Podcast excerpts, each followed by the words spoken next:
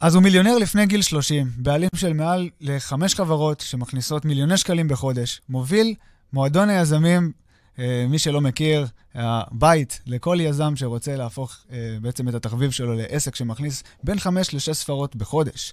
אבל רגע לפני שנתחיל את הפרק המאוד מעניין הזה, חשוב לי רק להגיד שהוא עלול להיות קטלני ואפילו מסוכן לרובכם. כי הסכומים שאנחנו נדבר עליהם, השיטות שאנחנו נחשוף כאן, יפילו לכם אסימונים ועלולים לגרום לכם לחשוב שהדבר הזה קרה בן לילה. אבל למעשה זה לא נכון. אתם תבינו שעומד כאן בן אדם שעבד קשה במשך שנים ארוכות כדי לגרום לדבר הזה לקרות לא רק לעצמו, אלא לעוד אלפי אנשים בישראל. קבלו את עמרי כהן. אהלן ניב. היי, מה קורה? מצוין, כיף להיות כל... פה, תודה שהזמנת אותי. בטח, איזה כיף שאתה כאן, באמת. אז בפודקאסט הזה בעצם אנחנו מדברים על חופש. איך אנחנו יכולים להפוך את העסק הקטן שיש לנו כבר עכשיו לאימפריה עצומה שמכניסה לקוחות כמו, שעון, ובסופו של דבר יוצרת את החופש שבתכלס רצינו. הרי רוב בעלי העסקים רוצים בסוף חופש והזדמנויות. אמת. אז בואו ניגש ישר לג'וס. מה זה חופש כלכלי בעיניך? היכולת לעשות מה שאתה רוצה, מתי שאתה רוצה, איפה שאתה רוצה, כמה שאתה רוצה, ועם מי שאתה רוצה, ללא שום מגבלה. זה מבחינתי חופש אמיתי. וזה נובע כמובן קודם כל מחופש כלכלי, שההגדרה שלו היא לא ההגדרה שלי, ההגדרה המקובלת. Mm-hmm. זה הכנסות פסיביות שעולות על כל ההוצאות שלך, יהיו אשר יהיו. ברגע שאתה מכניס בצורה פסיבית יותר כסף ממה שאתה מוציא מדי חודש, אתה כבר יכול להפסיק לעבוד כי אתה חייב כסף. אתה צריך להמשיך לעבוד אגב, כי אתה אוהב את מה שאתה עושה, אבל לא בגלל הכסף. אבל אתה יכול להפסיק לעבוד בעיקרון, ולחיות את חייך, בסגנון החיים האידיאלי שלך, בלי שום צורך לעבוד יותר. זה חופש כלכלי אמיתי. וואלה. והיית אומר שבסופו של דבר זה מאוד uh, אישי לכל בן אדם. ברור, כי לכל אחד יש את רמת החיים שהוא רוצה, יש את סגנון החיים שלו. יש בן אדם שיכול, ב, אתה יודע מה, אני אפילו אתן דוגמה שאני מכיר, יש mm-hmm. איזשהו בלוג, okay. אה, אוקיי. מפורסם יחסית בארץ, זה בעיקר לחבר'ה בוגרים ומבוגרים יותר, שיש שם מישהי שחיה על 4,000 שקלים בחודש והיא בחופש כלכלי. היא פחות מגיל 40 לפי דעתי, אולי באזור ה-35. נראה לי אני יכול לנחש מי זאת. כן, והיא מדברת, אתה יודע, 4,000, 5,000. כל הבלוג שלה זה על אה, איך קונים קופסאות שימורים בסטוקים, ואיך נוסעים באופניים, אמיתי.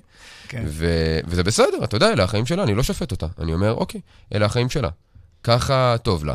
אם מבחינתה העיקר להיות חופשית, גם בלשלם על סגנון חיים שבעיני רוב האנשים ייראה אני במלוא מובן המילה. וזה בסדר, מהצד השני. יש אנשים שכדי לחיות בסגנון החיים החלומי שלהם, גם צריכים 100 אלף שקל בחודש. אז זה סיפור אחר, כי בסוף, מה מייצר הרי את החופש הכלכלי הזה? מה מייצר את ההכנסה הפסיבית? זה הון גדול שיש לנו, שאנחנו משקיעים אותו בנכסים. הנכסים האלה מניבים הכנסה פסיבית, וכדי שיהיה לך הכנסה בסדר גודל של, למשל, 100 אלף שקל בחודש, mm-hmm. אתה חייב עשרות מיליונים, ובצורה נורמלית. כן. ולוקח לא מעט זמן לייצר את העשרות מיליונים האלו. אתה יודע, הרבה אנשים חושבים על הקטע הזה של הכנסה פסיבית. חשוב לי מאוד שתתייחס לדבר הזה בתור מישהו שבאמת מכניס פסיבית, פיזית, אתה פה, אתה נמצא איתי, ותוך כדי שאנחנו מדברים, יש כסף בחודש פסיבי. זורם. נכון. מה זה הכנסה פסיבית? תראה, הכנסה פסיבית, קודם כל, בואו רגע נצא מנקודת הנחה שתשבור מיתוס כבר. קיימת רק בקונסטלציה אחת, פיקדון בבנק. זה 100% פסיבי. שמת את הכסף, אתה מקבל את הריבית, זה יכול להיות חודשי, כמו משכורת, וזה יכול להיות אחת לתקופה. זה באמת 100% פסיבי. כל יתר ההשקעות, בין אם מדובר בנדל"ן, בין אם מדובר בשוק ההון, בין אם מדובר בהשקעה בעסקים, בצורה כזו או אחרת, mm-hmm. זה לא 100% פסיבי, זה לא לא פסיבי, כן? אבל אם אני אקח למשל השקעות בשוק ההון, אז הייתי אומר שזה 60-70 אחוז פסיבי, אבל אתה עדיין צריך כל הזמן להיות בבקרה ולשנות את תיק ההשקעות שלך. ואם נדבר על מסחר במניות, מבחינתי זה 20 אחוז פסיבי, זה 80 אחוז עבודה יומיומית. תראה את אלה שעושים את זה. האם הם באמת יכולים להפסיק לעבוד והם עדיין ירוויחו כסף? לא, הם צריכים לסחור כל יום, להיות שעות מול המחשב ולעשות את העבודה. האם מי שיש לו אפילו קורסים דיגיטליים שמדברים עליהם בתור הכנסה פסיבית? אז נכון, אתה לא עושה את עבודת השירות. כי הקורס הוא דיגיטלי, בהנחה ובכלל אין באמת תמיכה כלום. שלא לדבר על שירות לקוחות בדיוק, אבל נגיד ואין, יודע מה, קורס דיגיטלי על מלא, אין שום תמיכה, שום כלום. מה לגבי השיווק? מה לגבי המכירות? וגם אם יש לך קמפיין, אתה יודע, מי כמוך יודע, קמפיין שרץ. לא צריך לעשות לו אופטימיזציה כל הזמן. לא צריך לעדכן אותו אחת לתקופה כי הוא כבר לא עובד. אז זה לא 100% פסיבי, אני קורא לזה 50% פסיבי, שזה לא רע. אפילו ספרים. אני אומר 80% פסיבי, יש לי שניים. 80% פסיבי, אני מקבל תמלוגים כל חודש בצורה שוטפת, משלושה מקורות שונים. אבל עדיין, אני צריך עדיין לשווק אותם, אני צריך לנהל את זה ברמה, גם אם יש לי מפיץ. אני צריך לוודא שיש אספקה שוטפת, אני צריך להמשיך לוודא שהוא מקדם את זה, אני צריך לבנות איתו אסטרטגיה שיווקית אחת לתקופה. אז אין באמת הכנסה שהיא 100% פסיבית מלבד פיקדון בנקאי, אבל עדיין אני כן הייתי אומר לאנשים לשאוף להגיע למקום הזה שיש להם הכנסה פסיבית, לא כמטרה, אלא כתוצר לוואי של עשייה של מה שהם אוהבים, כי חופש כלכלי קונה דבר אחד, הוא קונה חופש מנטלי. וזה בעיניי הדבר החשוב ביותר. כי, שוב, מי שעובד, ואני אומר את זה בתור אחד שזה מה שהניע אותו, מי שעובד בשביל להיות מיליונר, או בשביל להיות חופשי כלכלית, ביום שהוא יהיה חופשי כלכלית, ביום שהוא יהיה מיליונר, הוא יהיה בדיכאון. וואלה. ואני אומר את זה מניסיון. ביום שאני בגיל 27, כבר יצאתי לחופש כלכלי מלא, הייתי חודש בדיכאון, כי תחשוב שבמשך, מגיל 13, מהחלום להיות מיליונר לפני גיל 30, במשך 14 שנה לקח לי להגיע לדבר הזה, ואתה פשוט בוקר אחד מתעורר, וכל מה שהניע אותך, נעלם. כי כל המוטיבציה לעשות עוד כסף, הלכה, אין לך עוד סיבה לעשות עוד כסף. הרי אתה חי בסגנון החיים שאתה רוצה. אין לך עוד שום משמעות לכסף. וזה מה שהניע אותך. אז פתאום אתה אומר, אוקיי, למה אני צריך לקום בבוקר עכשיו? ואתה נהנה. יום, יומיים, שבוע, שבועיים, מרתון נטפליקס, מרתון חופשות, מרתון בילויים. תקשיב, שבועיים אתה מתפגר. חלום. אתה מתפגר. אתה לא יכול יותר מזה. אתה פתאום אומר, בואנה, אני נהניתי מהעבודה שלי, אני לא סבלתי. 27. 27 כבר הייתי, כן, מיליונר, חופשי כלכלית. אתה מתחרפן. אתה אומר, בוא'נה, משעמם לי. אני לא יודע מה לעשות. ואז אתה מתחיל לחשוב על הדבר הבא, ואתה אומר, אוקיי, רגע, לא הבנתי, אז לא עבדתי באמת בשביל הכסף. עבדתי כי באמת אהבתי את מה שעשיתי. והקלישאה של, וואלה, הייתי עושה את זה גם בחינם, היא באמת קלישאה נכונה. כי באמת הייתי עושה את זה בחינם. גם היום אני עושה את הדברים, ואני ממשיך לעבוד קשה, ברמה של 14, 15, 16 שעות ביום, לא כי אני חייב, אלא כי אני באמת אוהב את זה. אין לי תחביבים אחרים, כי התחביב הכי גדול שלי זה להקים עסקים ולהצמיח אותם. חוץ מבאמת, משפחה ועסקים, אין לי כלום. גם לא מעניין אותי דברים אחרים. אפילו לחופשה אני צריך להכריח את עצמי לצאת. ואני גם השלמתי עם זה שאני אוהב לעבוד בחופשה. זאת אומרת, אני, אתה יודע, חצי מהיום כזה בחופשה, וחצי מהיום אומר לעצמי, כן, סבבה לגמרי, אני אעבוד. אני לא סובל מזה, אני נהנה מזה, והרי בסוף מה המטרה שלנו בעבודה? ליהנות מזה. משמעות, סיפוק. אז אם אתה חווה משמעות ואתה חווה סיפוק, למה לעשות ממשהו כזה פחות?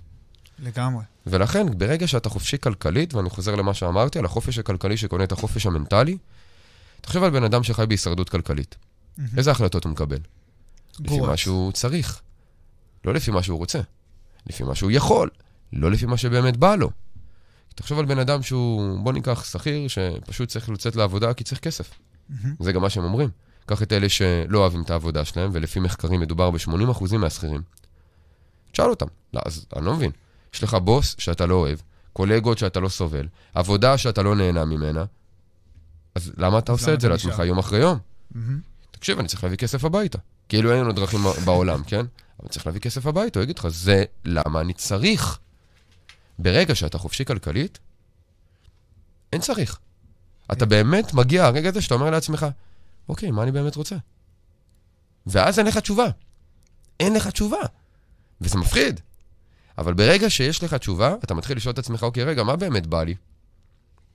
תחשוב על זה שאתה יוצא למסעדה, mm-hmm. ורוב האנשים, אולי זה כזה בלא מודע עכשיו, אנשים יגידו, אה, כן, אני כזה, הם מגיעים למסעדה, מסתכלים על התפריט, מסתכלים על השמות של המנות, ומיד אחרי שהם מחליטים להזמין, הם מסיטים את המבט רגע לצד שמאל, רואים את המחיר, ואו שהם ממשיכים עם ההחלטה שלהם, אם המחיר נראה להם סבבה, או שפתאום כבר לא בא להם על המנה שהייתה באה להם מאוד עד לפני כן. שנייה. למה? כי הם חושבים על מה הם יכולים להרשות לעצמם. אבל בן אדם שהוא, אם אני אקח את הדוגמה הזו ואקצין אותה, בן אדם שהוא בחופש כלכלי ובחופש מנטלי, הוא לא צריך תפריט. פשוט שואל, מגיע למסעדה ואומר, תגידו, מה המנות הכי טובות שיש לכם שאת יכולה להמליץ לי? ומה שנשמע לו, הוא אומר, אוקיי, תביא לי כזה. זה. בלי, בלי מחיר. המחיר לא מעניין, לא הוא. לא פקטור. זה חופש מנטלי אמיתי, כי אתה הזמנת את מה שאתה באמת רוצה, ולא את מה שאתה יכול להרשות לעצמך בהתאם ליכולת הכלכלית שלך. אז זו דוגמה על, אתה יודע, דוגמה שולית ביותר, על אוכל. כן. עכשיו תחשוב על קריירה. עכשיו תחשוב על בילויים. עכשיו תחשוב על חוויות עם המשפחה שלך. או. זה לקום בבוקר עם חופש מנטלי אמיתי, וזו הסיבה היחידה להגיע לחופש כלכלי. כי מי שלא מגיע לחופש כלכלי, ואני אגיד פה משפט קיצוני, לעולם לא יממש את הפוטנציאל שלו, נקודה. לעולם לא יצליח לחיות בסיפוק, לחיות במשמעות. כי לעולם לא יהיה לו את החופש המנטלי באמת לשאול את עצמו, מה אני לעזאזל רוצה? לא יהיה לו. וואו, זה משפט קצת קשה, אבל באמת. אין ספק שהוא די נכון, כי בסופו של דבר, אם אין לך את הפניות המחשבתית להבין באמת מי אתה, מה אתה רוצה לעשות על הכדור הזה, אז אתה לא תגלה את זה לעולם, אתה תמיד תחיה. במרדף הזה של לקום בבוקר ולהמשיך לעשות את אותו הדבר, בין אם אתה שכיר או אפילו גרוע יותר, כשאתה עצמאי, ובנית לעצמך את העבודה, את ה... אפשר להגיד, בית כלא, שבו אתה עובד יום-יום. ועכשיו שאנחנו מדברים על הנושא הזה, תשמע, זה בטח מרגיז עכשיו כל כך הרבה ברור. אנשים שהקימו את העסק שלהם, ויש מצב שהם כבר עשר שנים עושים את אותו הדבר. מה... אבל זו בדיוק הבעיה, אני... הם עושים את אותו הדבר. כי עוד פעם, איינשטיין אמר את זה הכי יפה, מי שעושה את אותן הפעולות ומצפה לתוצאות שונות, הוא לא שפוי. אז האנשים האלה באמת קמים בבוקר. אתה יודע, זה כמו אותו שכיר שקם כל בוקר לעבודה באותם תנאים ושואל את עצמו, למה לעזאזל אני ממשיך לסבול? תמשיך לעשות את מה שאתה עושה. אז ברור שתמשיך לסבול. מהצד השני, בעל עסק קטן, אותו הדבר. אם הוא עושה כל יום את אותן הפעולות, הרי אתה יודע, הם עסוקים בשגרה. הם עסוקים בלכבות שרפות. הם לא נכון. עסוקים בלעבוד על העסק, הם לא עסוקים בלבנות תשתיות, הם לא עסוקים בלבנות סיסטמים, הם לא עסוקים בלגייס ולחנוך אנשים כדי שהם יורידו מהם את העבודה בעסק, ככה שהם יתפנו באמת להיות הבעלים של העסק, ולא עובדים בעסק. לא כל בויניקים, וגם לא מנהלים. כי גם מנהל לא יכול ללכת, אחרת העסק לא יעבוד. לגמרי. הם לא משקיעים את הזמן בזה, כי הם לא יכולים. ואז בעצם אין להם את החופש המנטלי, כמו שאמרנו, ואז כשאתה אומר להם, טוב, תשקיע על שיווק, כי שיווק זה החמצן שלך, בלי שיווק לא יהיה לקוחות, לא יהיה כסף, ואז הוא מקבל החלטה של, טוב, אז אני, אני מעדיף לעשות שיפוץ ב-300,000 שקל למקום שלי, מאשר להשקיע כמה עשרות אלפי שקלים בשיווק. ולמה זה? ואז אתה שם את היד על הראש, אתה אומר, אוקיי, אני לא מבין מאיפה הוא מקבל את ההחלטה, זה לא רציונלי בשום צורה. אז אני אגיד לך מאיפה. הרי רוב העצמאים, מה הסיבה שהם פתחו את העסק שלהם? להיות בוס לעצמם. מהמם. בדרך כלל הם גם פותחים את זה באותו מקצוע שהם עוסקים בו. קח למשל מישהו שעובד ב... סיים ללמוד הנהלת חשבונות, ואו או ראיית חשבון, ועובד באיזושהי פירמה.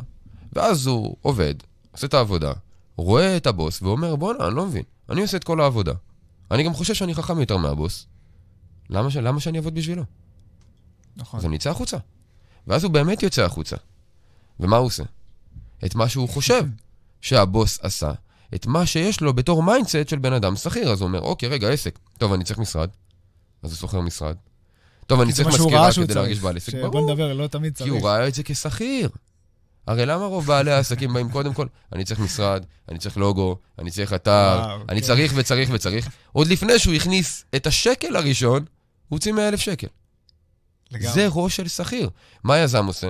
יזם אומר, אני מתחיל מהבית, אני קודם כל אבנה את כל מה שאני צריך, בבית, בלי להוציא שקל, אני אפרפר מדלת לדלת כדי לסגור עסקה, אני אשקיע ים זמן בפרסום ברשתות חברתיות וכדומה, ואז, כשאני אכניס כסף, אני אשקיע את הכסף בעסק. ואז אולי אני אגדל למשרד, ואז אולי אני אביא עוזרת, ואז אולי אני אעשה אתר יותר טוב. מגניב. אבל קודם תכניס, אחרי זה תוציא. סטיב ג'ובס, איפה הוא התחיל? בגראז'. איפה כולם מתחילים? כן, כל זה המייסדים ראש של. יזם. אבל כשאתה שכיר בראש שלך, ואתה הופך מיום אחד משכיר לעצמאי טכנית, לא באמת, אז ברור שאתה תפ- תפעל כמו שכיר. אתה תחשוב כמו שכיר, אתה תפעל כמו שכיר, ואתה תקבל תוצאות של שכיר. בגלל זה רוב בעלי העסקים. יש ארגון שנקרא להב, לשכת העצמאים בישראל. מהמם. עשו סטטיסטיקה ובדקו מה ההכנסות של רוב העצמאים בישראל. יש מעל, מעל חצי מיליון עסקים קטנים בישראל. ההכנסה הממוצעת של 80% מהם נמוכה מ-8,000 שקלים בחודש. 80 אחוזים. מה אתה 80 אומר? אחוזים מחצי מיליון זה 400 אלף עסקים קטנים. וואו, זה מלא חלומות שנדרסים. זה פסיכי. זה, זה, אבל תבין כאילו מה הפוטנציאל, אתה יודע, אני לא יודע כמה עסקים שמכניסים מעל מיליון דולר, כי הנתון הזה הוא מהמם. עולמי, הוא לא ארצי, אבל עסקים שמכניסים מעל מיליון דולר בשנה, שלושה אחוזים. בעולם, מה אתה אומר? בעולם, מעל מיליון דולר, זאת אומרת, שלוש וחצי מיליון שקל בשנה, שלושה אחוזים מכל העסקים בעולם. וואו. אלה הנתונים. לא קל להצליח בעסקים. אפשר לעשות את זה פשוט. אבל ממש לא קל. ומי שאומר שזה, אתה יודע, כזה קל ומהיר, וכל אחד יכול success. להצליח, ודברים כן. כאלה, ממש לא נכון. זה מאתגר ביותר, זה דורש, עזוב את ה mindset ואת המנטליות, זה דורש עבודה מאוד מאוד קשה, וזה דורש לשלם הרבה מאוד מחירים שרוב האנשים לא מוכנים אפילו לשקול לשלם אותם. וזו הסיבה שבגללה אנשים לא מצליחים. אני חייב שנתייחס רגע לדבר הזה, כי באמת דיברנו על ההבדל בין עצמאי ליזם, שאם עוד לא הבנתם, יש הבדל מאוד מאוד מאוד גדול בין השניים. איך היית מסכם את זה במשפט אחד? מה בתכלס ההבדל בין עצמאי ליזם? שאלה ממש טובה, כי יש ים הבדלים. מהצד השני הייתי אומר שיזם הוא פשוט אקטיבי. יזם הוא פשוט אקטיבי, ושכיר הוא פשוט פסיבי. אתן דוגמה מאוד פשוטה, שכיר במנטליות שלו, mm-hmm. לבוא, להדפיס שעון, לא לעשות כלום וללכת הביתה. שכיר תמיד חושב איך הוא יכול לעשות פחות ולקבל יותר. כן. אז אם לא יפילו עליו עבודה, הוא לא יעשה אותה. אגב, מי שמתקדם זה מי שבא ומבקש את העבודה. זה, uh, באנגלית זה נקרא אינטרופנור. זה, זה לא האנטרופנור. יזמות פנים-ארגונית. בדיוק. כן. זה, זה יזם, זה כאילו עובדים שהם שכירים, אבל הם, הם יזמים במהות שלהם, ואז הם כאילו יזמים בתוך הארגון. אז הם האנשים שמקדמים ומפתחים ויוצרים יוזמות מתוך הארגון. הם האנשים הטובים והם גם האנשים שמקודמים, כי אחד המפתחות להתקדם זה לעשות יותר ממה שביקשו ממך. אז שכיר, שפשוט משחק אותה ראש קטן. זה עוד הבדל אולי, ראש קטן לעומת ראש קטן. כן. הוא פשוט רוצה לבוא, לעשות את המינימום וללכת הביתה. עצמאי להבדיל, עוד פעם, יזם, יוזמה. כן. פשוט מאוד, חושב כל הזמן, מה אני יכול לעשות? מה עוד אני יכול לעשות? איך אני יכול לשפר את הדברים? הוא אקטיבי. הוא לא מחכה שמישהו יגיד לו מה לעשות. זו אגב הבעיה של רוב העצמאים. הם מחכים שמישהו יגיד להם מה לעשות, כי הם היו שכירים. וכשהם היו שכירים, מישהו אמר להם מה לעשות. וכשמישהו לא אמר להם מה לעשות, אז הם היו בהפסקה, או בשירותים, או שיחקו בטלפון. כי זה מה שהם יודעים. אז גם בעסקים, הם מחכים לקום בבוקר, ושמישהו יגיד להם מה לעשות. שום דבר לא השתנה. הם לא הבינו שפתאום מי שצריך להגיד להם מה לעשות זה הם עצמם. כן. זה לקום בבוקר ולהגיד, אוקיי, מה אני עושה היום? מה המטרות שלי היום? מה המשימות שלי היום?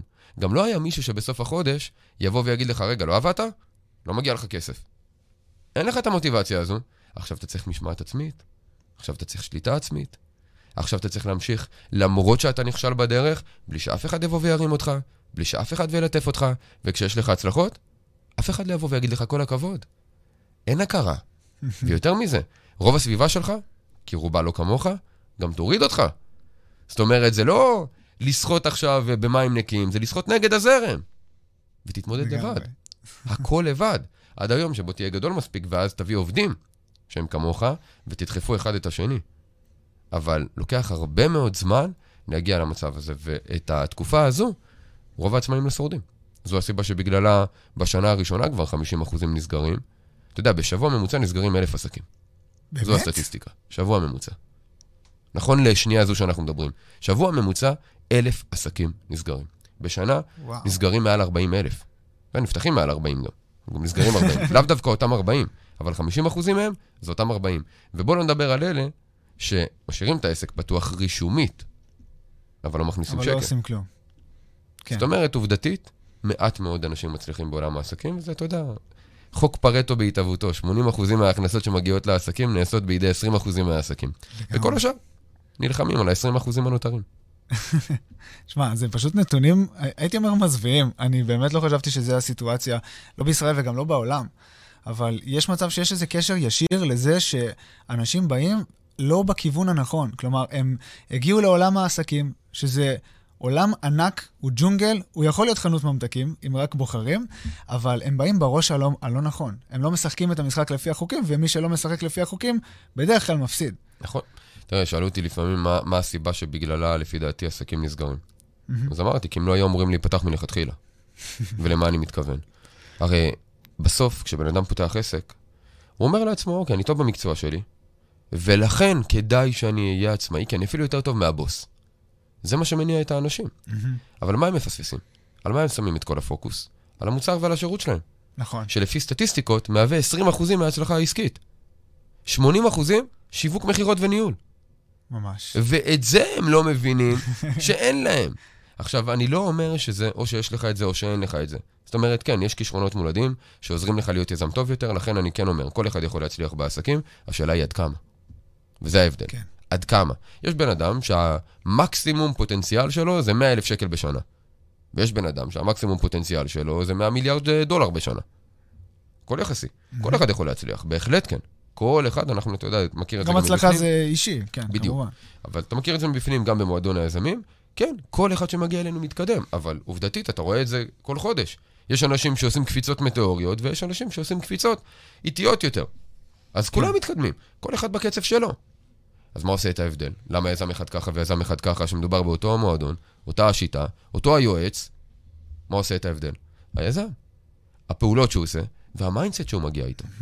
זה המפתח. עכשיו, העסקים האלה, השכירים האלה, שפותחים את העסקים, הם שמים את כל, ה... כל הביצים האלה בסל המוצר והשירות הכי טוב. הרי מה הם אומרים?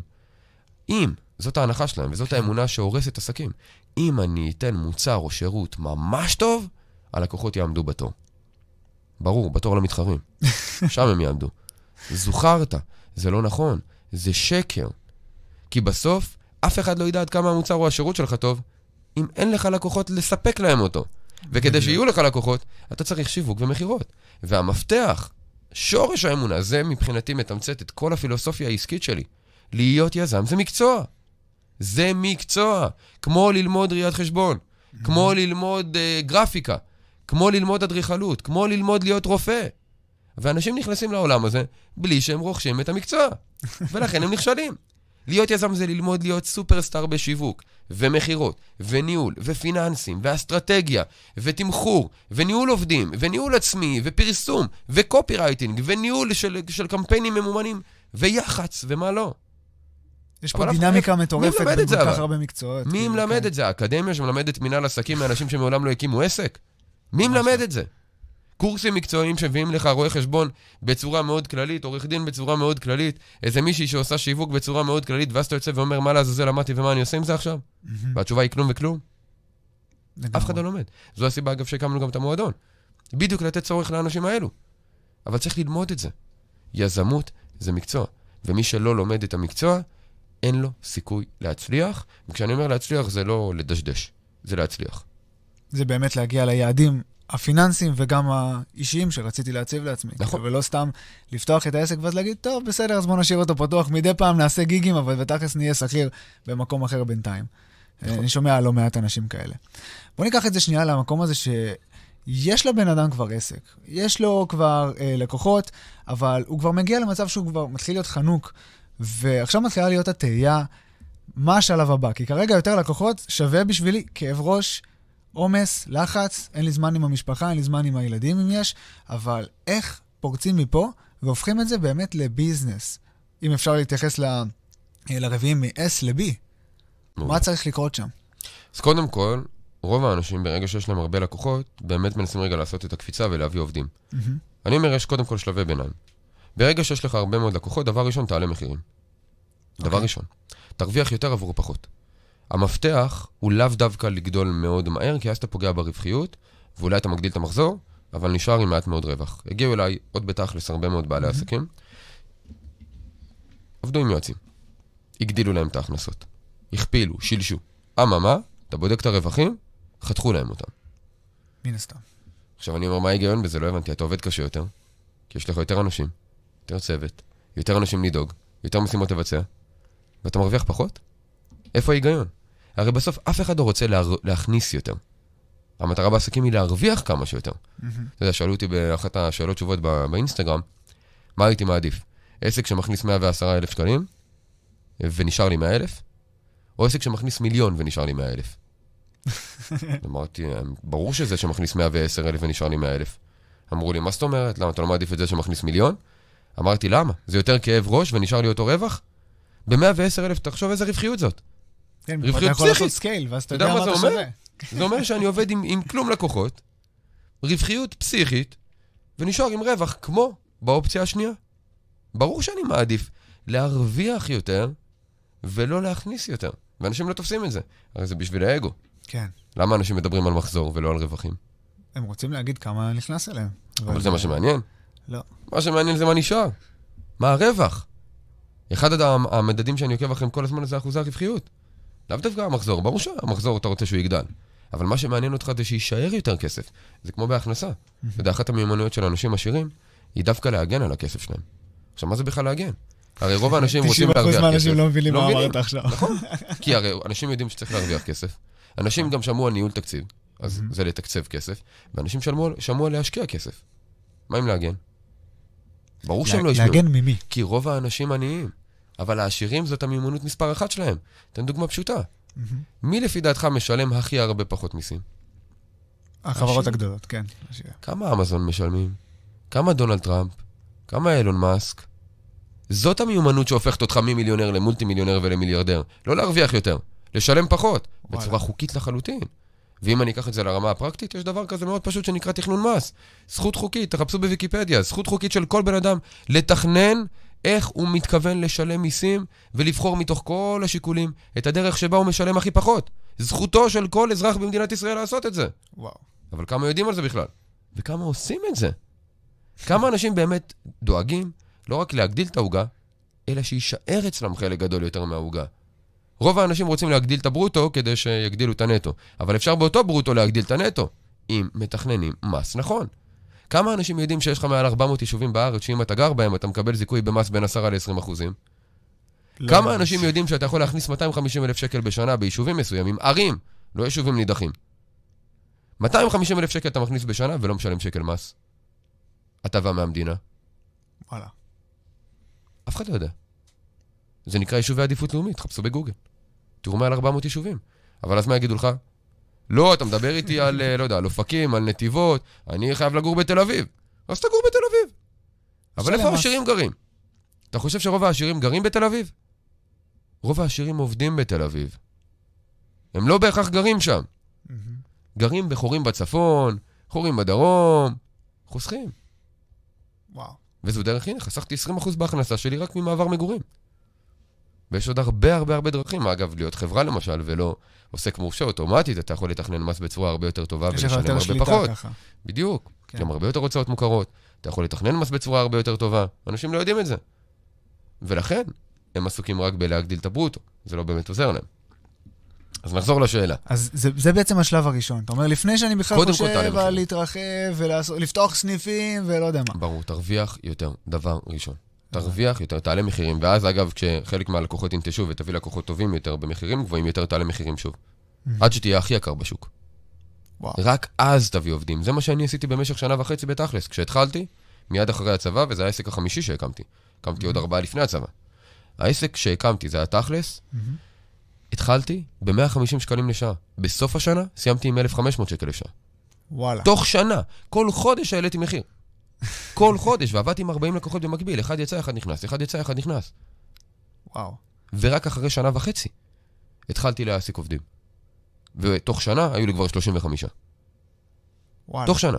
35 יועצים במודל זכיינות, כל הארץ, כולל כמה מדינות בעולם, מחזורים מטורפים של מיליונים בחודש, רווחיות פסיכית של ממוצע של 50 אחוזים, כולל הכל, וואו. וזה מה שעזר לי לגדול מאוד מהר. אבל קודם כל, עבדתי לבד. אתה יודע, מעולם לא הייתה לי עוזרת אישית, גם היום. מעולם לא הייתה, אני לא צריך. אני כל כך יעיל בעבודה שלי, שאם אני לא חייב לעשות משהו, אני פשוט לא עושה אותו. וגם את הדברים שאני עושה, אני יודע קודם כל להפוך אותם לאוטומטיים או להאציל אותם לאנשים אחרים, ככה שאני קם בבוקר, אין לי באמת to do list, אין לי רשימת משימות. מהמם. עוד חרטא שאנשים עניים המציאו. אין דבר כזה רשימת משימות. למה לא לעשות to-do למה? list? כי אני אסביר איך אני כן עושה to do list. אוקיי. רוב האנשים, יש להם משימה לעשות, מה הם עושים? דוחפים את זה לרשימה. מהמם. זאת אומרת, ההנחת יסוד היא, יש משימה, אני צריך לבצע. בגלל זה אין לך זמן לכלום, בגלל זה אין לך זמן לעבוד על העסק, בגלל זה יש לך לכבות שריפה, אז אתה צריך לכבות אותה, אז אתה מכבה אותה, ואז אתה מסיים את סוף היום בתחושה של, מה לעזאזל עשיתי היום? לא קידמתי כלום. והחלק הכי גרוע הוא שאתה חוזר למחרת על אותו לופ.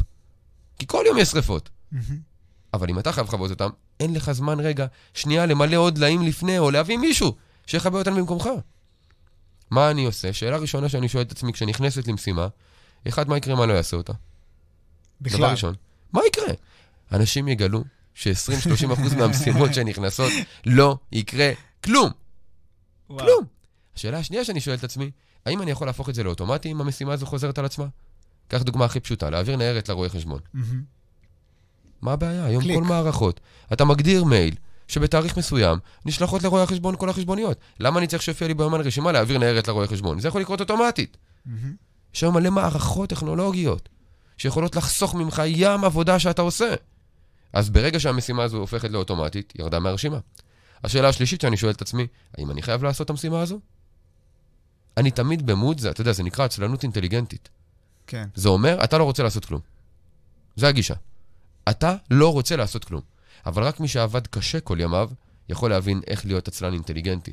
מי שלא עבד קשה, הוא עצלן נקודה. הוא פשוט לא רוצה לעשות כלום, הוא גם לא מתקדם. עצלן אינטליגנטי דואג שהוא יתקדם, בזמן שאחרים עושים בשבילו הכל. כי הוא פשוט דואג שהדבר יתבצע, זה לא משנה אם אתה עושה את זה. בדיוק. ולכן, כשאני. שואל את עצמי, רגע, אני חייב לעשות את זה? אם התשובה היא לא, וב-80% מהמקרים התשובה היא לא, אני מעביר את זה למישהו שזה התפקיד שלו. ורק מה שנשאר בסוף, של אני חייב לעשות, את זה אני עושה. לכן, אני כן עובד עם to-do list יומי.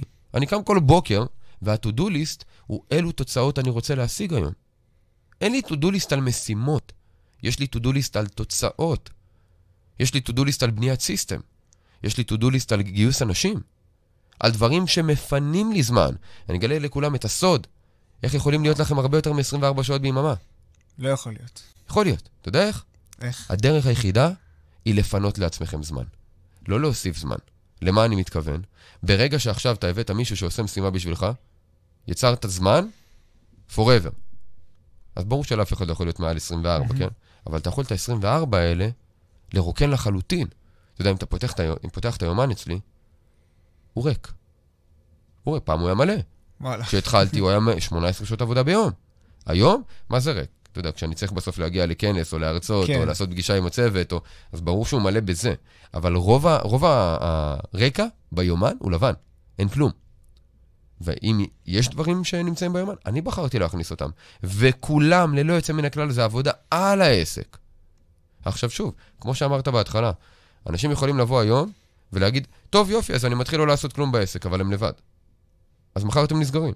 לגמרי. זו לא המטרה. צריך להבין, ואם נלך רגע פה פנימה לשאלה כן. שלך, למעבר מה-S ל-B, מהמם.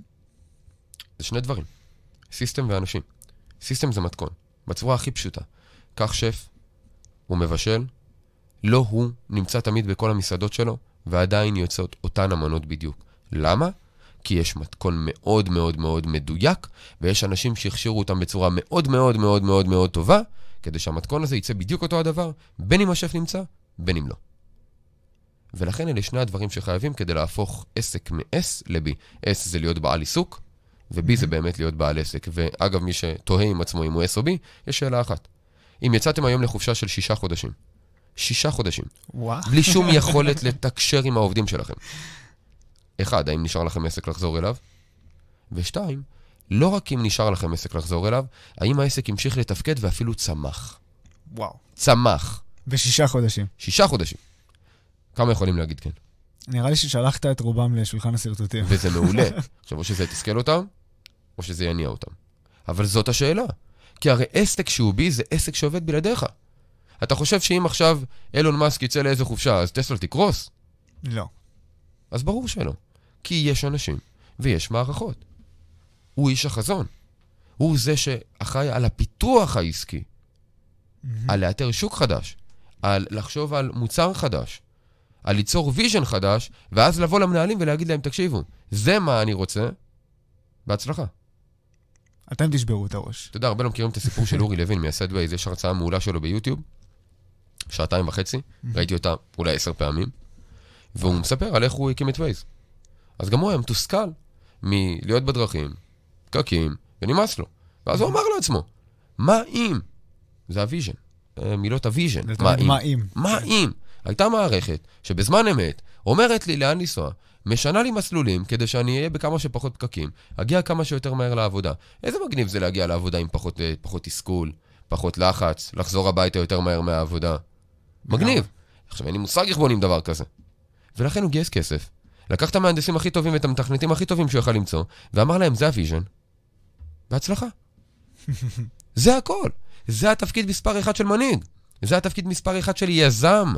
אתה יודע, שלושה תפקידים בעסק, יזם, מנהל וטכנאי. מהמם. יזם זה הבן אדם שמביא את הפתרון לבעיה.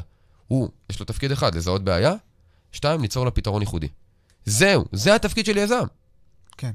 תפקיד של מנהל זה לוודא שהוא מניע את האנשים כדי לעמוד ביעדים שמקדמים את הארגון.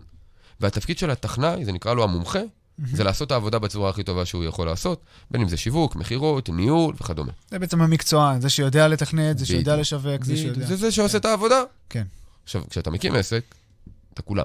נכון. אתה בתחילת הדרך הרבה מאוד יזם, מרגע שאתה מגייס, והרבה מאוד טכנאי כמובן. כן. וככל שאתה מגייס אנשים, אתה גם מתחיל לאזן את זה ולהיות פחות יזם, פחות טכנאי ויותר מנהל. הבעיה היא שרוב האנשים, ככל שעובר הזמן, מורידים את היזם לאפס. הם כבר נשאבים כל כך לשגרה של הביצוע והניהול, שהם כבר לא עובדים על הדבר הבא, ואז הם לא מפתחים את המוצר שלהם, לא משפרים אותו, ואז מגיע מתחרה, יזם, שמביא פתרון טוב יותר, והורס להם את העסק. בגלל זה, רק אחד ממאה עסקים שורדים מעל עשור. אחד ממאה מעל עשור. וואו. זהו. זה אחוז. למה? כי הם ממשיכים ליזום. אתה יודע מה הבעיה הכי גדולה של חברות גדולות? חדשנות. למה? כי ככל שאתה גדול יותר, אתה מסורבל יותר, אתה מורכב יותר, אתה זז לאט יותר, ואתה צריך לשקשק מהיזם הקטן שעובד בגראז'. כי הוא זה שיהרוס אותך. מהר, הוא- הוא זה, אתה יודע, יש ספר מצוין של אנדי גרוב, מנכ"ל אינטל, מייסד אינטל, שנקרא רק פרנואידים שורדים. נכון, קראתי את אתה יודע מה הייתה הגישה שלו? מחר מישהו דופק לי את, את העסק, סוגר לי אותו, מה אני חייב לעשות? ואתה יודע מה שאלת המפתח? והנה שאלה ש... אתה יודע, מתן ואני במועדון שאלנו את זה לפני חודשיים לפי דעתי, אנחנו שואלים את זה עצמנו אחת לתקופה. אם היינו מקימים עסק חדש, שהייתה לו מטרה אחת, להרוס את מועדון היזמים, מה היינו עושים? הופה. כמה יזמים עוצרים רגע כדי להיות המתחרים הכי גדולים של עצמם לרגע? לבוא ולהגיד אם עכשיו, כשאני אני יודע מבפנים את כל המידע על המועדון, אם אני הייתי רוצה היום להקים עסק, מתחרה במועדון, שהורס את המועדון, לוקח למועדון את כל הלקוחות, בכוונה, במילה הורס. בהורס, מה הייתי עושה? עכשיו, אתה יודע, החלק המפחיד הוא שאתה מוצא תשובות. אבל אז... יש? איזשהו מנוול אחד שעלול לעשות את זה. בדיוק. יש איזה מישהו אחד אז ש... אני רוצה להיות המנוול הזה. אתה יודע, וזה משפט יפה נוסף של אנדי, והוא אומר, הדרך הכי טובה שלך לשרוד, היא להרוס את עצמך לפני שמישהו הורס אותך. וואלה. להרוס את עצמך. אתה יודע, קח את אה, סטיב ג'ובס בתור אחד שקבע טרנדים. הרי יום אחד הוא קם ואמר, טוב, נמאס לי מאוזניות עם חוט. נמאס לי. עכשיו, מה הוא אמר? סגור את החור. אין יותר באייפון מקום לחבר אוזניות חוטיות. אין. יצאו עליו? כן. שנאו אותו? כן. בטח. כל החברות האחרות? בעקבותיו. קבע טרנד. תבין את הכוח. היום אין יותר. עכשיו, מה, מה החוכמה בזה? הרי בסוף אתה רוצה אוזניות. כן. מעולה, מגדיל לך את המכירות של כל האוזניות עם הבלוטוס. איירפודס. זה החוכמה. אתה. יודע, הבנתי שבדורות הבאים בכלל, באייפון גם לא יהיה כפתורים בכלל, לא יהיה כלום, כאילו הכל יהיה כבר... הכל יהיה כבר בתוך המוח מה? שלך עם איזה צ'יפ כן, יש מצב גם. אבל אתה מבין, הוא, בסוף אומר, אתה יודע, בסוף האייפון היה באמת חידוש. כשהיה את הבלקברי ואת זה, כן. אז האייפון באמת היה חידוש. ואז, אתה יודע, החשיבה הייתה, וזו טכניקה ביצירתיות, היא נקראת החסרה אגב. הוא אומר, על מה אתה יכול לוותר? על אחד המרכיבים החשובים, ואיך אתה יכול ליצור את הדבר הזה, ולמי הוא מועיל. אז איך נולד הטלפון, מסך מגע? מה הורידו? כפתורים. כפתורים. ומה אם היה טלפון בלי כפתורים? פיתחו מסך מגע. קח את ה... את ה אה, מעבר לטלפון, אמרו, מה, מה המהות של הטלפון? טלפון. להתקשר. האם היום באמת טלפון הוא טלפון? לא, ממש לא. אז מה אמרו? מה אם נפתח טלפון ונוריד את הטלפון? עכשיו, לא הורידו אותו לגמרי, אבל אמרו, הוא יהיה שולי. כן. יש עוד טכניקה שנקראת איחוד משימות. אמרו, מה אם ניקח טלפון וניקח משימות שעושים במחשב ונחבר אותם? וואלה. נולד לך אייפד. בסוף, כן. הדברים האלה נולדים מבאמת טכניקות, וזו עוד נקודה, יצירתיות היא לא השראה. אנשים חושבים שיצירתיות זה יושב מתחת לעץ, ייפול לך התפוח. לא. בסוף יצירתיות? זו שיטה. יש ספר מצוין על יצירתיות, יש לו גם מתרגום לעברית, נקרא לחשוב בתוך הקופסה. וואלה. בתוך הקופסה. והם מראים שם טכניקות מאוד פשוטות על יצירתיות, שכל אחד יכול ליישם, ואני ממליץ לכל אחד לשחק עם הטכניקות האלו, על המוצר והשירות שלו, והוא יבין איך באמת הוא יכול לפתח מוצרים חדשים עם טכניקות ביצירתיות שהן שיטתיות להפליא. תהליך אנליטי ביותר. מה שרוב האנשים חושבים שזה צד הימני של המוח, צריך להיות אה, צריך רגע של השראה. איזה השראה? הכל על תהליכים איזה הר. בהודו שם ידחק לך. יש system גם ליצירתיות.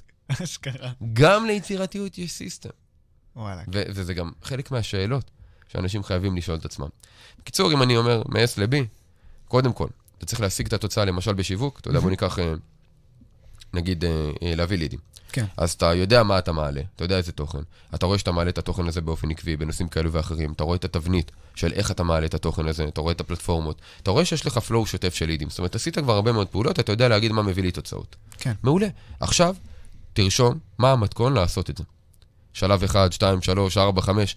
כאילו אתה הולך להעביר את זה למישהו שאין לך שום יכולת לדבר איתו, שום יכולת להסביר לו, והוא יגיע לאותן התוצאות בדיוק, כי הוא יעשה את אותה עבודה, ואין סיבה שהוא לא יגיע לאותן תוצאות, כי זה אותו המתכון בדיוק, כמו אותה אמנה שלא השף מבשל, ועדיין מקבלים את אותו הדבר, כי יש מתכון.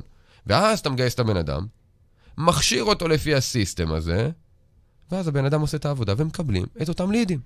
זה המתכון. אז מה עושים?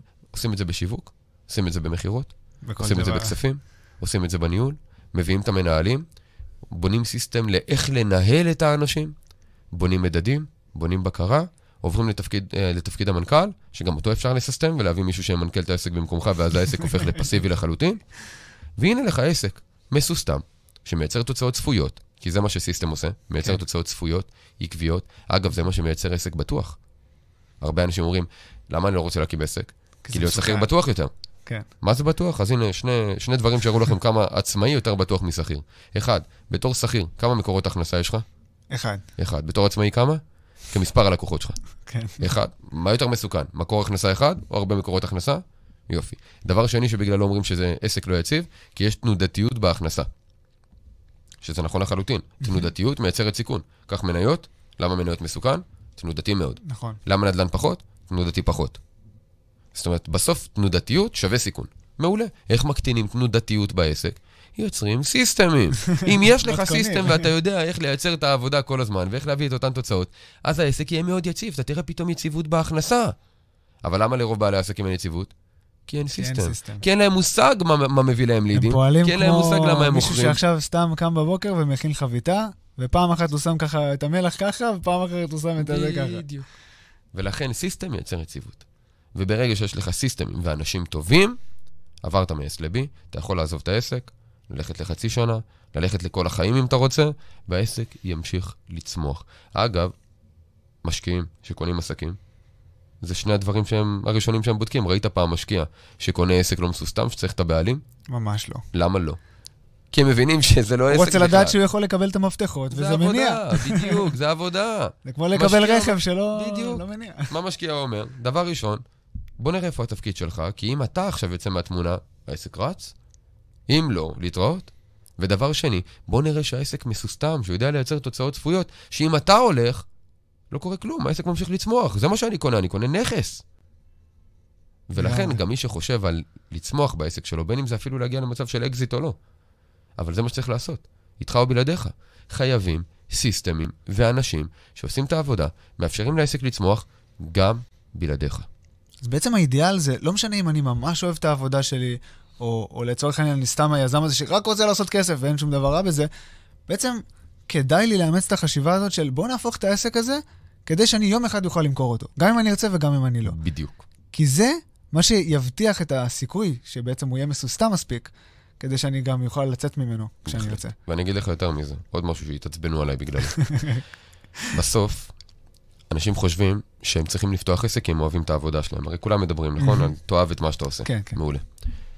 יזם אמיתי לא אוהב את העבודה שהוא עושה. אתה יודע מה יזם אוהב? מה התשוקה של יזם? לגרום לדברים לקרות? להקים עסק. להפוך רעיון למציאות. למה רוב היזמים משתעממים כשזה מגיע ליציבות? ולניהול השגרתי הזה? מדגדג להם ה-ADD. למה אני מקים עסק, מססטם ועובר לדבר הבא? התשוקה של יזם היא להקים ולהצמיח עסקים. לא לייעץ, לא לאמן, לא לטפל, לא לעשות אה, טיפולים קוסמטיים, לא לאמן אה, באימוני כושר, לא להיות קופירייטר. זה לא, זה תשוקה של טכנאי, זה תשוקה של מומחה. ואתה חייב את האנשים האלה שזו mm-hmm. התשוקה שלהם, כי הם יהיו העובדים הכי טובים שלך. נכון. אבל התשוקה שלי היא לא לייעץ. אני פשוט מעביר את הידע שלי הלאה, כי אני אוהב להעביר את הידע שלי הלאה, זאת התשוקה שלי. הייתי יכול לדבר באותה מידה על זוגיות, אם זוגיות היה נושא שמעניין אותי. Mm-hmm. אבל מעניין אותי עסקים. אז אני פשוט מעביר את הידע שלי הלאה. התשוקה שלי היא להשאיר מורשת, היא להטביע חותם, ולהעביר ידע ולשתף ידע. זה מה שאני צריך לעשות כדי להגיע לדבר הזה, זה למה אני כותב ספרים. זה למה אני ברשתות החברתיות. זה למה אני נמצא על במות. זה למה אני מעביר הרצאות. Mm-hmm. זאת התשוקה שלי. אבל כיזם, התשוקה שלך היא להקים עסק. ואם דיברנו על התפקיד של יזם, שזה השיווק והמכירות, זה מה שיזם אוהב. יזם מת על שיווק ומכירות. יזם מת על החשיבה האסטרטגית. וכשמגיע החלק המשעמם של הניהול, אז הוא מביא את המנהל שזה המקצוע שלו, שהתשוקה שלו היא לנהל אנשים. כמו שפעם אחת שמעתי אותך אומר, זה לקחת את אלו שלמדו בהרווארד, כדי שיהיה... בדיוק. למה חברות הגדולות מגייסות באמת את המומחים? כי זאת התשוקה שלהם. התשוקה שלהם היא או לעשות את העבודה, או לנהל את האנשים. מה זה מנהל עסקים? אין בעיה. אני, אני, תואר במנהל עסקים, אגב, הוא מצוין. למי שרוצה להיות מנהל שכיר בעסק של מישהו אחר. מנהל עסקים. מנהל. ניהול. הנה, הנה, זה התואר. לא, זה לא תואר ביזמות עסקית. לגמרי. הוא לא נקרא יזמות עסקית. אף אחד לא מלמד יזמות עסקית. אנחנו כן. אף אחד לא מלמד יזמות עסקית. הם מלמדים מנהל עסקים. הם ילמדו אותך לנהל עסק של מישהו אחר. אשכרה. ולכן מי שרוצה ללכת וללמוד איך מקימים עסק, המקום האחרון ללמוד בו זו האקדמיה, כי ילמדו אותו איך לנהל עסק, ואני בעד ללמוד תיאוריות ניהוליות, ואחרי זה לנסות לראות מה עובד, מה לא עובד, חלקן עובדות, זה מעולה, זה בסדר. גם אני קורא ספרים שכתבו מרצים ב- באקדמיה, וזה נפלא, אבל אז אני מביא אותם למבחן המציאות ואני מגלה שחצי לא עובד, חצי אני צריך לשפר, אבל זה בסדר, זה מגרד לי את החשיבה, זה נותן לי רעיונות, אבל זה לניהול. מעולם לא למדתי ממרצה באקדמיה על יזמות עסקית, ואני אומר את זה גם כמרצה שהיה באקדמיה, ולימד יזמות עסקית. באמת יזמות עסקית. ואז העיפו אותו, כי הוא לא עמד בסילבוס. אתה מבין? אשכרה. איזה קטע. טוב, עמרי, אה, נראה שככה אנחנו, באמת, השיחה הזאת יכולה להימשך לנצח. אז אני אשאל אותך ככה שאלה אחת לסיכום, לפני שאתה תפיל פה עוד אסימונים ואנשים באמת יצטרכו ככה ללכת לאיזה טיפול נמרץ או משהו כזה, או ללמוד יזמות. או ללמוד. יזמות או whatever, מה שיגרום להם סוף סוף לזוז מהכיסא ולהרוויח יותר כסף. לכל אלו שצו- שמאזינים או צופים בזה עכשיו, יש להם עסק והם רוצים להכפיל אותו בשנה הקרובה. איזה עצה אחת אתה יכול להביא להם כדי שזה יקרה? מעולה. יש נוסחה אחת להצליח בעסקים. זה כמות הלקוחות הפוטנציאליים, כפול אחוזי הסגירה, כפול הכנסה ממוצעת מלקוח. זה שווה להכנסה לעסק, זה מתמטיקה פשוטה. דוגמה, אהמ. אני אעשה את זה זריז, כמות לידים, כמה לידים מגיעים אליך. אחוזי סגירה, כמה מתוך הלידים האלה הופכים ללקוחות משלמים. הכנסה ממוצעת מלקוח, כמה כסף משאיר אצלך כל לקוח, במוצר אחד או במוצרים נוספים שאתה מוכר לו, או בזה שאתה מגדיל את העסקה שהוא קונה ממך באותו הרגע, מה שנקרא אפסל וכדומה. קח למשל 100 לידים שהגיעו אליך. אתה ממיר 10% מהם, יש לך 10 לקוחות. כל לקוח קנה ב-100 שקלים. ההכנסה, 1,000 שקל. מתמטיקה אמיתית, זו באמת נוסחה. זו ההכנסה של כל עסק. כדי להגדיל את ההכנסה, כל מה שאתה צריך לעשות זה לשאול את עצמך שלוש שאלות. איך אני מביא יותר לידים? איך אני משפר את אחוזי הסגירה שלי? ואיך אני מגדיל את ההכנסה הממוצעת מלקוח? דוגמה, איך אני מביא יותר לידים? זה יכול להיות להסתכל על ערוצי השיווק שכבר מביאים את הלידים ולהגביר מעמד שם. זה יכול להיכנס לערוצי שיווק שאתה עדיין לא נמצא בהם. וזה יכול לעשות קמפיין ממומן, שאתה יודע שאני מוציא X כסף, ומקבל Y לידים. וזה בסדר גמור. איך אתה משפר את אחוזי הסגירה? בונה תסריט. בונה מתכון, זה תסריט, מתכון, לגמרי. שמוכיח את עצמו בכל שיחה מחדש. שאם אתה תעשה א', ב', ג', אז התוצאה שלו היא להפוך לקוח מתעניין ללקוח משלם. ואז אתה מתאמן ככל שאתה יכול במכירות, כדי להפוך את המתכון הזה לטבע שני שלך. זה משפר את אחוזי הסגירה שלך, מספיק שתשפר אותה מ-10 ל-20 אחוזים, הנה, הכפלת את ההכנסה שלך. באותה כמות לידים, באותה הכנסה ממוצעת מלקוח. מתמטיקה פשוטה. שלוש יחידות ומטה. והכנסה ממוצעת מלקוח, זה איך אני גורם ללקוח להשאיר אצלי יותר כסף. יש שתי דרכים. מי שימציא עוד אחד, יקבל פרס. אין. או למכור יותר בכל עסקה, או למכור יותר פעמים. יותר בכל עסקה זה יכול להיות להעלות מחיר. אם הכפלת מחיר, אותה, לי- אותה כמות לידים, אותם אחוזי סגירה, פי שתיים הכנסה. אז אפשר להעלות מחיר. אפשר גם כמובן למכור יותר בכל עסקה על ידי זה שתמכור למשל, סתם דוגמה, אם אני מאמן, אני אמכור עשרה מפגשים ולא חמישה. אני אמכור כן. ריטיינר לשישה חודשים ולא לשלושה. ואני כמובן גם יכול למכור יותר פעמים, לא רק יותר בכל עסקה. אז אם אני יודע שהבן אדם מגיע אליי עכשיו בתדירות של אחת לחודש, אם אני אצליח לגרום לו להגיע אליי בתדירות של אחת לשבועיים, אז הכפלתי. לגמרי. זה מה שעושים כל המועדונים למיניהם עם המבצעים, פשוט מושכים אותך להגיע יותר זמן, בתדירות גבוהה יותר. כי אז אתה מוציא יותר פעמים. כסף. ככה הם מגדילים את ההכנסה הממוצעת, ויש עוד הרבה כמובן טכניקות. יש עוד שמונה כאלה למען האמת, מכיר אותן בתוך המועדון, אבל כן. אה, זה, זה דוגמה מאוד פשוטה. אז מי שרוצה להכפיל את ההכנסה, לשלש, לרבע, פי עשר, מה שאתם רוצים. פשוט, איך אני מביא יותר לידים, איך אני משפר את אחוזי הסגירה, איך אני מגדיל את ההכנסה הממוצעת מלקוח, אפשר אפילו להתמקד במרכיב אחד, להכפיל אותו, וזה יכפיל את כל ההכנסה, זה לגמרי. המתמטיקה, ואפשר כמובן גם לשפר כל אחד מהם בקצת, וגם זה יכול להכפיל את ההכנסה ואפילו יותר. בסוף צריך לזכור, לזה התכוונתי כשאמרתי עסקים זה מאוד פשוט, זה נוסחה מאוד פשוטה, בכל העסקים שלי אני כל הזמן מסתכל ואומר לעצמי, אוקיי, איך אני יכול להביא יותר לידים? איך אני יכול לשפר את אחוזי הסגירה? איך אני יכול להגדיל את ההכנסה הממוצעת מלקוח? אני בונה את האסטרטגיה, מעביר את זה עם זה במועדון, ביחד עם השותף הנפלא שלי, מתן היסטור. אז אנחנו הולכים לעידן, המנכ"ל של המועדון, מהמם. מורידים את האסטרטגיה, הוא מנחה את המנהלים, זה מגיע לאנשים בשטח, לאנשי המכירות וכדומה, מיישמים את הדברים, רואים תוצאות, עוקבים אחרי המדדים, מנהלים, ממשיכים לצמוח, כל התורה בעסקים על רגל אחת. וואו, מטורף. הבן אדם שהופך את הבלתי אפשרי לאפשרי. אז אה, עמרי, ככה, לפני סיום, מה אתה יכול לספר לאנשים? איפה אפשר למצוא אותך? איפה אפשר לצרוך עוד מהדבר הנפלא הזה שאתה מספר עליו כל הזמן, על עולם העסקים, התפתחות. אישית וכסף? אז אפשר קודם כל אה, לעקוב אחריי ביוטיוב, יש אה, מעל 1,400 סרטונים שנמצאים שם, ידע בכמות שאין שום ערוץ מתחרה, לא בכמות הסרטונים ולא באיכות התוכן.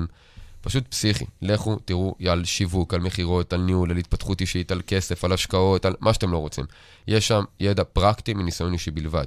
אפשר לעקוב אחריי באינסטגרם כמובן, ושם גם לקבל טיזרים של סרטון, של אה, שני סרטונים האמת היא, בכל יום, וכמובן גם בסטורי לראות קצת ממאחורי הקלעים, להיחשף לחיים האישיים, להיחשף לקבלת החלטות, תוכן ייחודי שאני מפרסם אך ורק שם, שווה לגמרי, כי אין עוד אפשרות לקבל הצצה למאחורי הקלעים בחיים שלי, חוץ מהסטורי באינסטגרם.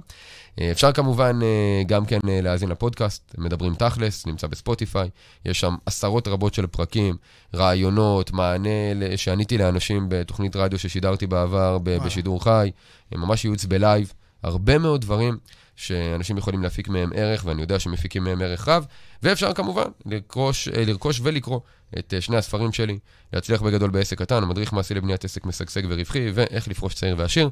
33 שיעורים על כסף, שבזכותם הפכתי למיליונר לפני גיל 30. שניהם נמצאים בסטימצקי, בצומת ספרים, וכמובן גם אפשר לרכוש אותם בכל קישור, באינסטגרם, ביוטיוב, משלוח עד הבית.